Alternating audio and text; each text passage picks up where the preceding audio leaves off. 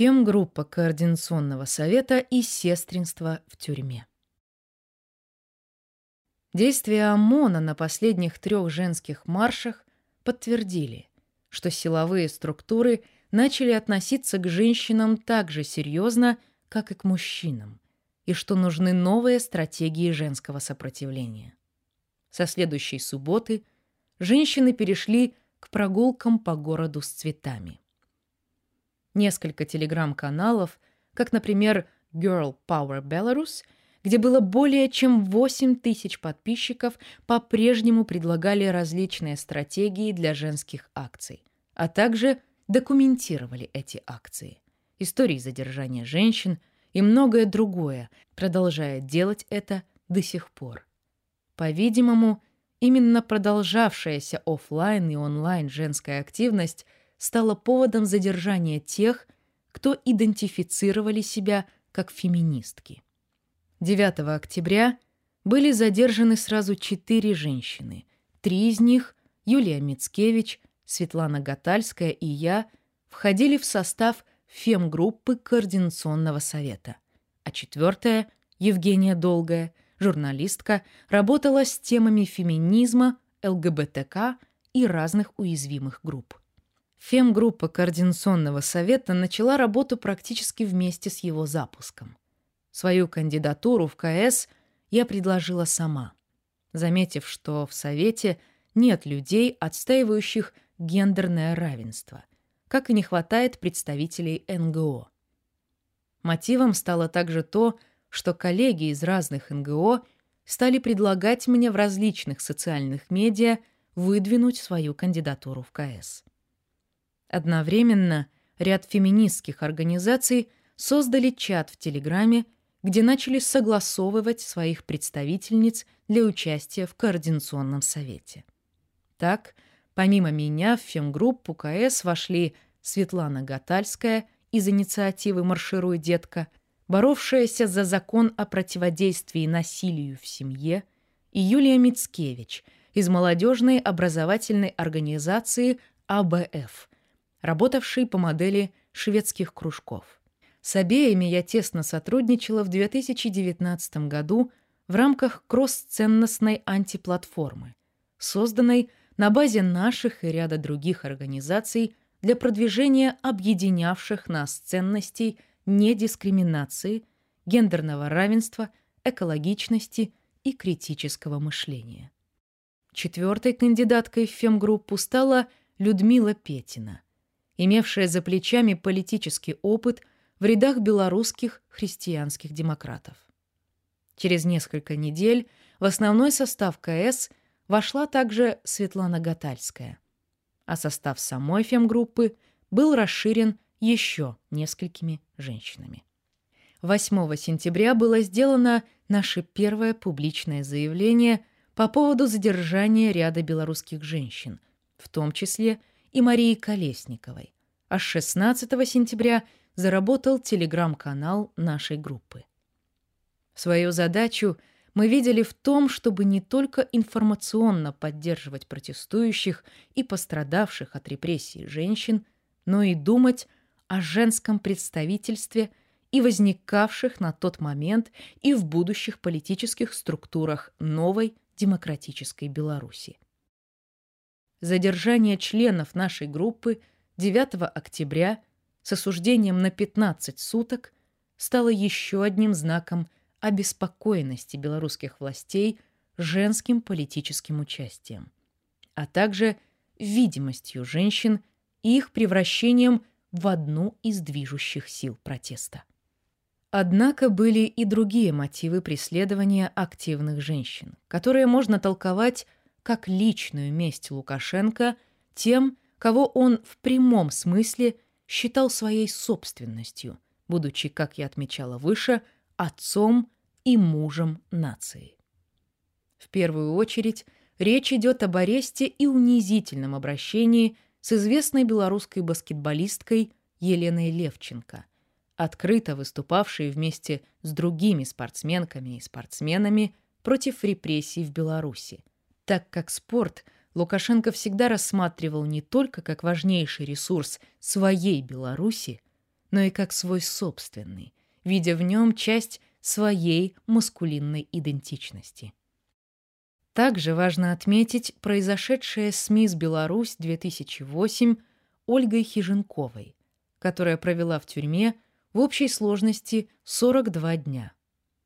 История с Ольгой Хиженковой словно бы довела до конечной точки абьюзивную логику власти Лукашенко. Когда мужчине удается силой вернуть женщину, которая пыталась от него уйти, то он подвергает ее еще большему насилию в качестве наказания за попытку освободиться. Тюремный опыт и практики заботы. В первый раз я была задержана на восьмом воскресном марше 4 октября. Утром, перед выходом из дома, я попыталась написать несколько рабочих электронных писем и заметила, что этому мешает сильная головная боль. Вызвана она была не только растущим, как снежный ком, чувством небезопасности, но и тем объемом коммуникации, который был связан с участием в многочисленных группах взаимоподдержки и обменом контактами, информацией и идеями с очень разными людьми. Чем больше было такого рода обмена и коммуникации, тем более эфемерным казалось решение возникающих задач. Мне нужно было принять решение – об участии в очередном воскресном марше. В последние недели людей начали задерживать еще на пути к точке основного сбора. Поэтому, начиная с шестого марша, мы перестали объединяться в группы для движения к месту сбора. Появляться эти группы начали только у самого места, возникая словно бы ниоткуда. Но и тут силовикам удавалось задерживать и разделять людей. Возвращение домой также становилось все более небезопасным. Большую часть людей задерживали именно в этот момент. Первое задержание обернулось для меня ночью и половиной дня, которые я провела в тюрьме. Своим опытом я поделилась на странице Фейсбука 5 октября. Прежде всего, чтобы приободрить других людей. Как уже кому-то из вас писала, Меньше суток задержания – это как возможность включенного наблюдения. Опасно, конечно, но в ограниченные сроки для ученого это незаменимый опыт и материал для статей и книг. Кому-то из задержанных в воскресенье, скорее всего, дадут сутки. Не могу тут не написать, что наша помощь будет им и задержанным ранее, политзаключенным и другим очень нужна и важна. Не сомневаюсь, что мы будем солидарны и дальше. Посмотрела изнутри. На машинку и работу тихарей. Сашу и меня посадили в микроавтобус, он поехал, и еще один раз они останавливались, закричали «работаем» и выбежали за новыми людьми. На процедуры в РУВД при задержании, досмотре и составлении протоколов. Там хаос. Сотрудники ругались на моих глазах. В это время я успела позвонить маме, кстати, чуть ли не на 100% опрошенных задержанных из более чем 30 человек оказались с высшим образованием и, как и всегда последние два месяца, самых разных возрастов и профессий. На автозак, где было жестко. На полу был БЧБ. На мужчин один из силовиков кричал очень грубо и ударил несколько человек. Тюрьму в Жодино, где я провела время с часа ночи до 15 часов следующего дня. В тюрьму нас привезли в час ночи. До этого с 18 часов мурыжили в РУВД. В тюрьме отношение к нам было как к особо опасным преступникам. Руки за голову, стоять, прижавшись к стенкам, идти не отставая друг от друга и так далее.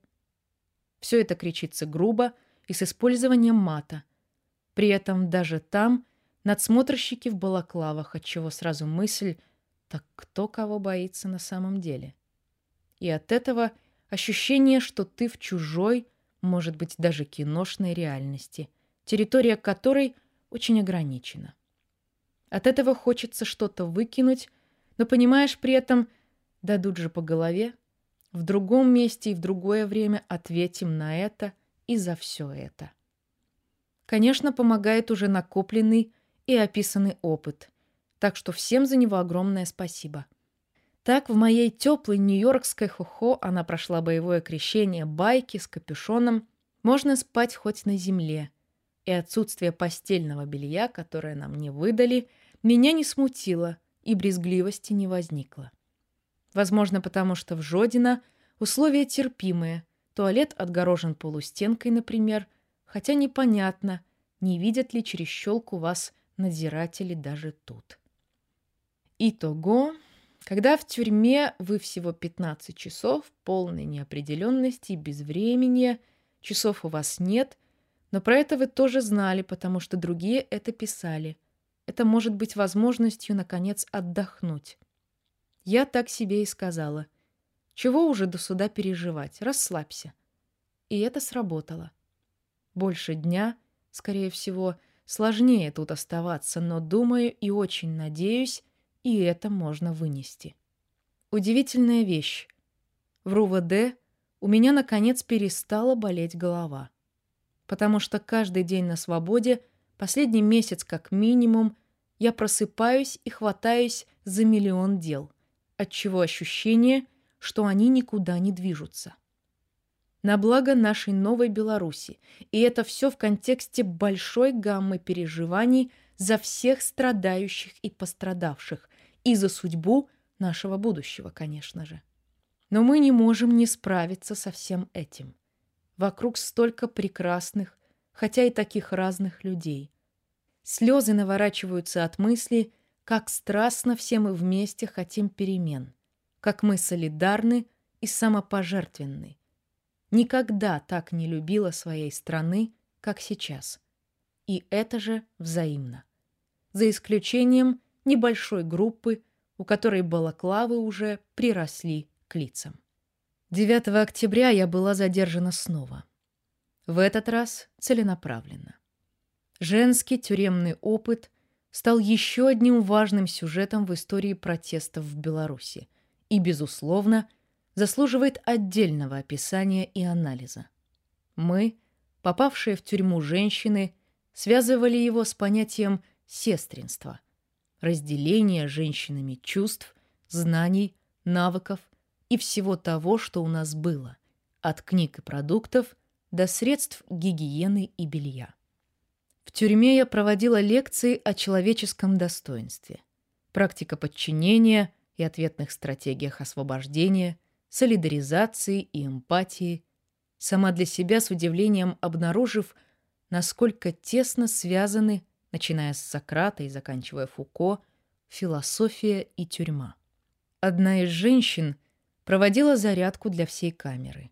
Мы рисовали, пели, участвовали в мастер-классах о женском опыте и феминизме от Юлии Мицкевич, но также просто подбадривали и успокаивали друг друга, когда в этом возникала необходимость.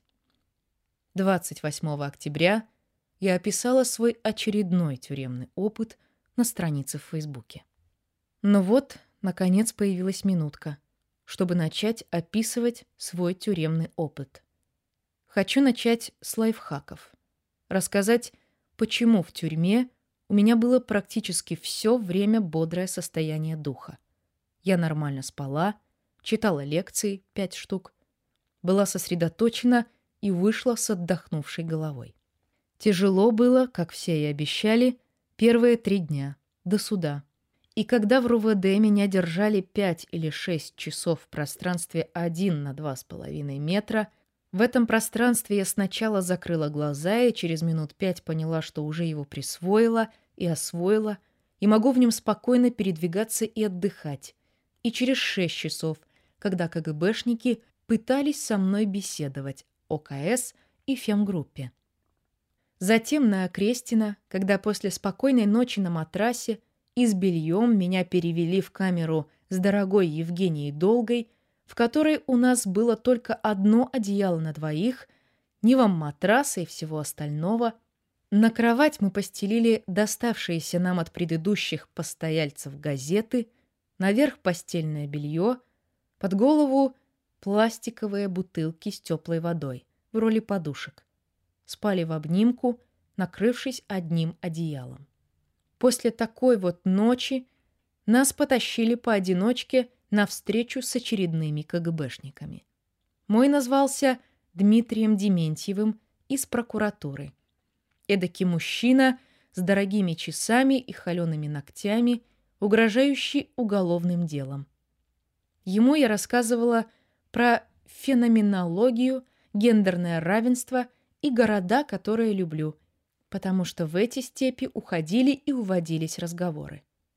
В эти дни ко мне подползал такой липкий и очень неприятный страх. Кроме того, оказываясь на Окрестина, ты не можешь не плакать. Физически или метафизически, я плакала физически, потому что тебя накрывает жалость не только к себе, но и ко всем, кого тут мучили и пытали. Что я делала в ответ? Медитировала. В этом у меня есть опыт, и это отдельная захватывающая история. Это работает в очень тяжелые минуты. Я ложусь, расслабляюсь и начинаю получать ответы. В тюрьме их сначала было три. Я увидела свет в конце тоннеля и услышала две вещи, что нужно принять неизбежное и что эта ситуация не сможет поломать мою жизнь. Свет в конце тоннеля я уже видела в ходе революции. Теперь я поняла, что светом вполне могу быть я сама, потому что справлюсь с этой ситуацией. Мне очень помогли эти ответы. Но осталась боязнь, что негде будет искать силы. Тогда я стала медитировать снова. В ответ на вопрос «Где брать силы?» я получила «В людях, которые вокруг». И это просто меня окрылило. Сначала Женя Долгая была моим ангелом-хранителем. Потом я встретила прекрасных женщин, более двадцати за все время, с которыми я обменивалась силой сестринства. Напоследок этой первой заметки такой эпизод. В один момент в камере на Окрестина пять новых девушек начали ходить по кругу, чтобы двигаться, и загрустили, потому что это погрузило всех в рутину тюрьмы. На что я сказала, это же... это круговое движение, танец Матисса а решетка на окне прямо из текста Розалинды Краус о переходе от модернистского искусства к современному. И вот в Минске на улице Октябрьской есть совсем современная версия этой решетки от Сергея Кирющенко. Хо-хо, всех это приободрило, конечно же. Течение времени без часов, которых мы были лишены в тюрьме, как и гаджетов, вернуло меня к Фуко – к микрофизике времени. Раз она есть вообще, значит, можно и тут переиграть власть. Наполнив время своим внутренним миром, воспоминаниями и, конечно, общением и разделенным опытом. Так мы начали обсуждать с Таней из ЕПАМ любимый Нью-Йорк, на что ушло часа два. С Ариной — современное бел-искусство, с Настей «Сорви голова» — ее приключения в Литве. Но мы делились не только мыслями, но и всем, чем только можно, вплоть до нижнего белья. Потому что сестринство, оно такое. Но это уже новая тема. Надеюсь, осветим ее вместе с дорогой Юлией Мицкевич. Я также вспоминала, сколько философов, начиная с Сократа, побывали в тюрьмах и вписывала свой опыт в этот профессиональный контекст. Иллюстрации тоже от меня – и тоже часть моей активности. Среди персонажей Боксана Александра Ситникова и Боксана, между прочим, официальный феминитив от боксера. Более 20 женщин, с которыми я столкнулась за 15 суток тюрьмы, были в возрасте от 18 до 63 лет, разных профессий и занятий, и во многом отражали расколотость женского коллективного субъекта, которую я описывала выше. Ни одна из них не сожалела, что стала участницей протестов. Большинство говорили, что продолжат бороться, потому что мириться с насилием, развязанным белорусским режимом в августе, невозможно. Однако только часть из них называла себя феминистками. Некоторые были не готовы обсуждать стереотипы, которые существуют в отношении женщин в Беларуси. Но практически все поддерживали высказанную объединенным штабом идею о том, что активным должно быть все общество, что ответственной за изменения должна быть каждая из нас, и неважно, женщина ты или мужчина. Сестринство, практикуемое в тюрьме, также показало, насколько значимо для белорусского общества в этот революционный момент выстраивание горизонтальных отношений и какую огромную роль играют в нем женщины, на которых общество накладывает ответственность за эмпатию и заботу о других. Как отметила в разговоре Юлия Мицкевич, пока женщины были в тюрьме, практики заботы начали активнее практиковать и мужчины, наши партнеры и друзья. Как я надеюсь, это также будет способствовать гендерному равенству, без чего едва ли возможны демократические трансформации, к которым так стремится наше общество. Это наш город! Это наш город! Это наш город! Это наш город! Thank you.